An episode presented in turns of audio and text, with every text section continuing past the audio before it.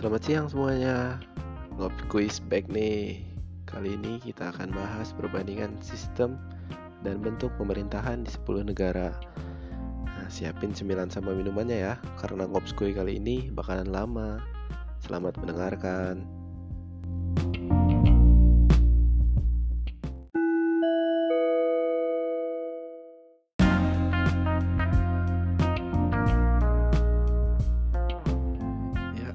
Langsung kita mulai dari negara Amerika Latin, yaitu Brazil. Brazil memiliki sistem pemerintahan Kongres Nasional atau Congresso Nacionale yang setara dengan DPR dan MPR. Kongres ini adalah badan bikameral yang beranggotakan Senat Federal dan Camora des Deputados. Adapun total kursi dari bidang bikameral adalah 81 kursi serta 531 kursi. Masing-masing anggota bikameral memiliki masa jabatan yang berbeda-beda. Setiap serikat, pemerintah federal, distrik maupun kota nantinya akan mengelola masing-masing dari sistem-sistem pemerintahan hingga pendidikan dengan dasar hukum landasan konstitusi federal dan hukum umum pendidikan yang diterapkan di Brazil. Pada tahun 1996, sesuai dengan ciri-ciri negara federal, bentuk pemerintahan negara Brazil memiliki parlemen yang berfungsi untuk mengontrol kinerja pemerintahan pusat dan sebagai perwakilan rakyat Brazil dalam pemerintahan. Di Brazil setidaknya terdapat 26 negara bagian dan distrik federal.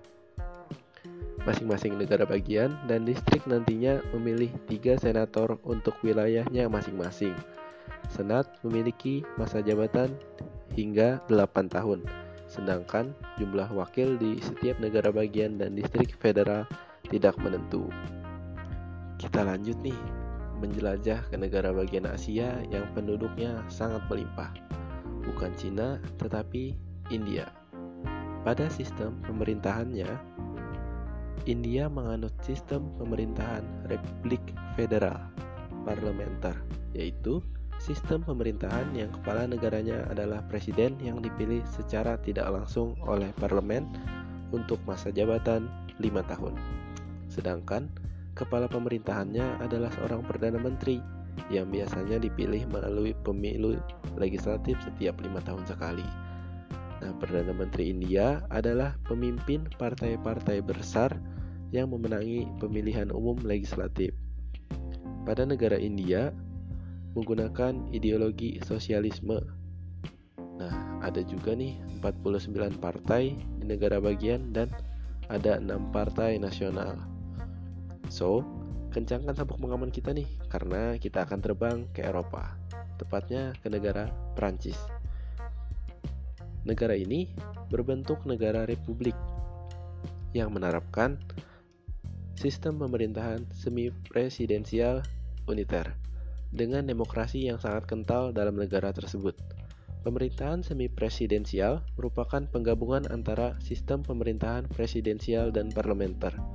Sebagai negara dengan sistem pemerintahan semi presidensial, maka ada dua pemimpin eksekutif yang memiliki peranan tersendiri, yakni Presiden Prancis sebagai kepala negara dan Perdana Menteri yang memerintah pemerintahan. Presiden Prancis terpilih berdasarkan hasil pemilihan warga Prancis dewasa yang sudah memiliki hak pilih dan akan menjabat selama lima tahun. Sedangkan Perdana Menteri sebagai kepala pemerintahan dipilih secara langsung oleh Presiden sebagai pemimpin lembaga eksekutif. Parlemen Prancis yang terdiri dari dua lembaga yakni Majelis Nasional dan Senat memiliki masa jabatan yang berbeda. Majelis Nasional mewakili konstitusien lokal dan akan menjabat selama lima tahun dengan tugas dan wewenang untuk menetapkan pilihan pemerintah dan membubarkan kabinet. Sedangkan Senat dipilih oleh Dewan Pemilih yang akan menjabat selama enam tahun. Kedua lembaga legislatif tersebut memiliki wewenang dan tingkat kuasa yang berbeda di mana Majelis Nasional menjadi pemutus akhir. Balik lagi nih ke negara Amerika Latin yaitu Meksiko. Negara ini menganut sistem pemerintahan presidensial. Sistem ini disebut juga dengan sistem kongresional, merupakan sistem pemerintahan negara republik di mana kekuasaan eksekutif dipilih melalui pemilu dan terpisah dengan kekuasaan legislatif. Presiden dipilih setiap enam tahun dan dia dilarang memegang jabatan yang sama untuk periode kedua. Di Meksiko, tiada tidak ada jabatan wakil presiden. Sekiranya seorang presiden itu dilucutkan jabatan atau meninggal dunia, Kongres akan melantik seorang presiden sementara. Sistem pemerintahan mereka adalah demokrasi yang berbasis ideologi berlandaskan prioritas hak-hak asasi manusia. Kembali bertualang nih ke benua Eropa. Ya, kok bolak-balik gini? Langsung aja deh. Negara yang selanjutnya ialah Jerman. Di dalam parlemen Jerman, partai dengan koalisi yang dominanlah yang memimpin parlemen. Dalam pemerintahannya, parlemen dikenal dengan nama Bundestag atau biasa disebut atau bisa diartikan juga anggotanya dipilih. Dan Bundesrat anggotanya adalah perwakilan dari negara-negara bagian.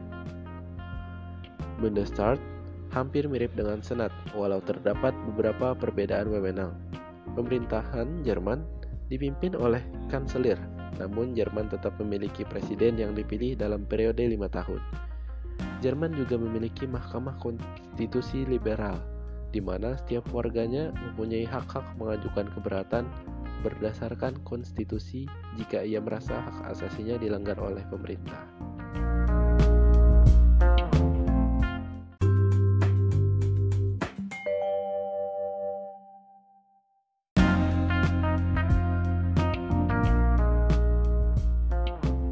Ya, kita tidak akan berjalan jauh karena kita udah sampai di Belanda. Belanda adalah sebuah negara dengan bentuk pemerintahan monarki konstitusional. Raja atau ratu merupakan kepala negara yang melambangkan persatuan Belanda. Raja atau ratu terkait pada konstitusi dan fungsinya lebih banyak bersifat seremonial, namun juga memiliki beberapa kewenangan yang merupakan kelanjutan dari tradisi The House of Orange.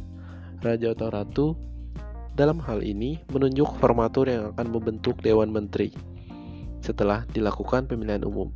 Pemerintah negara pada dasarnya terdiri dari tiga institusi utama, yaitu Ratu, Dewan Menteri, dan Parlemen. Kita akan lanjut ke negara ketujuh dan kita telah sampai di Asia Timur yaitu di negara matahari terbit, tentu saja Jepang. Jepang merupakan negara dengan sistem pemerintahan parlementer, kepala pemerintahan dipegang oleh Perdana Menteri. Kaisar hanya merupakan simbol dan pemersatu rakyat.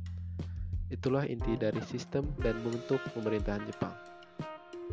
Bentuk pemerintahan negara Jepang adalah monarki konstitusional. Monarki konstitusional ini di Jepang dapat diartikan bahwa Kaisar Jepang memiliki kekuasaan yang dibatasi oleh konstitusi. Sedikit bergeser ke dataran Timur Tengah yaitu Iran. Bentuk negara Iran adalah negara kesatuan. Perubahan pemimpin yang secara substansif dilakukan dengan cara pemilihan. Pada tahun 1979, negara Iran secara resmi menyetujui bentuk Republik Islam dan Undang-Undang Dasar Republik Iran menggunakan cara referendum. Republik Islam Iran menerapkan sebuah sistem atau aturan yang berdasarkan tauhid, wahyu, kebangkitan di akhirat, keadilan Allah dalam penciptaan dan syariah, imanah dan kepemimpinan, serta keagungan martabat dan nilai-nilai luhur kemanusiaan. Kewenangan presiden berada di bawah bayang-bayang kuat pengaruh supreme leader. Kewenangan presiden ada di dalam perancangan kebijakan ekonomi. Dengan penjelasan di atas, bisa dikatakan bahwa negara Republik Islam Iran menganut asas sentralisasi. Karena asas ini adalah sebuah penyerahan kekuasaan dan juga wewenang pemerintahan secara penuh kepada pemerintah pusat.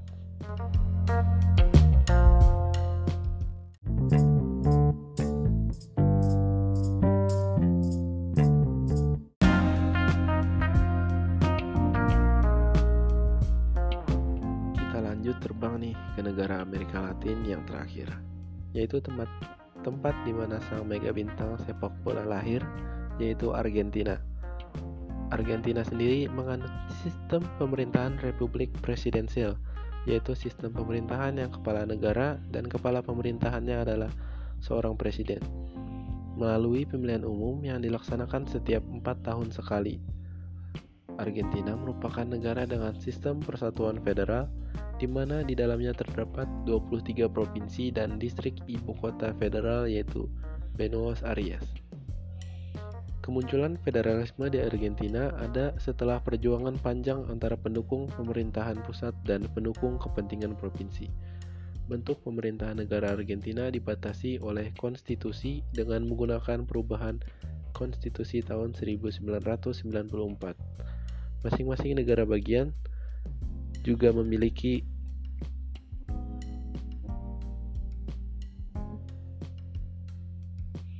Wewenang otonomi daerah yang khusus. Pembagian kekuasaan.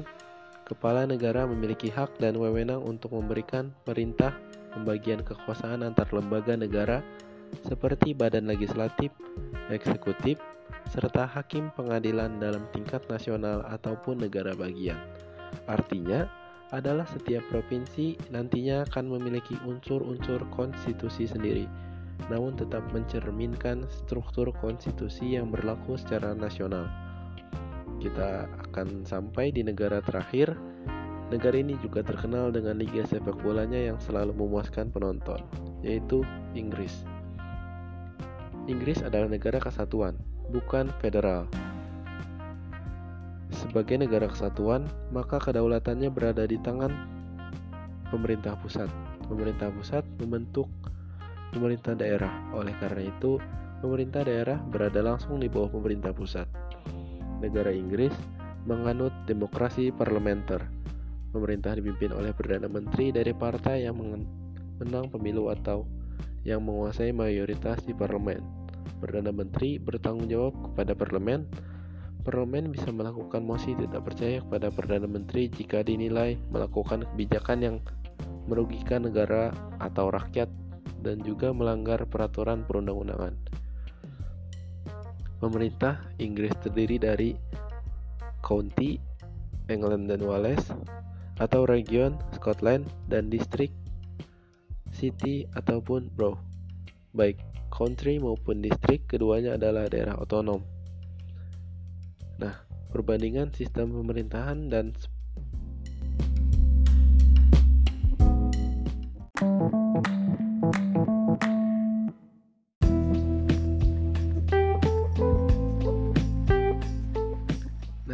perbandingan sistem pemerintahan dan bentuk 10 negara yang sudah dijelasin tadi, tentu ada perbedaan dengan sistem pemerintahan di Indonesia yang menganut sistem presidensial dan berbentuk republik.